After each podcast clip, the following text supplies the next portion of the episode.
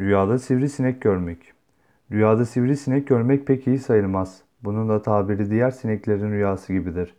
Kişinin rüyada sivrisinek görmesi, alçak tinetli, zayıf, cimrilik hastalığına tutulmuş, hakir yani aşağılık bir düşmana işarettir.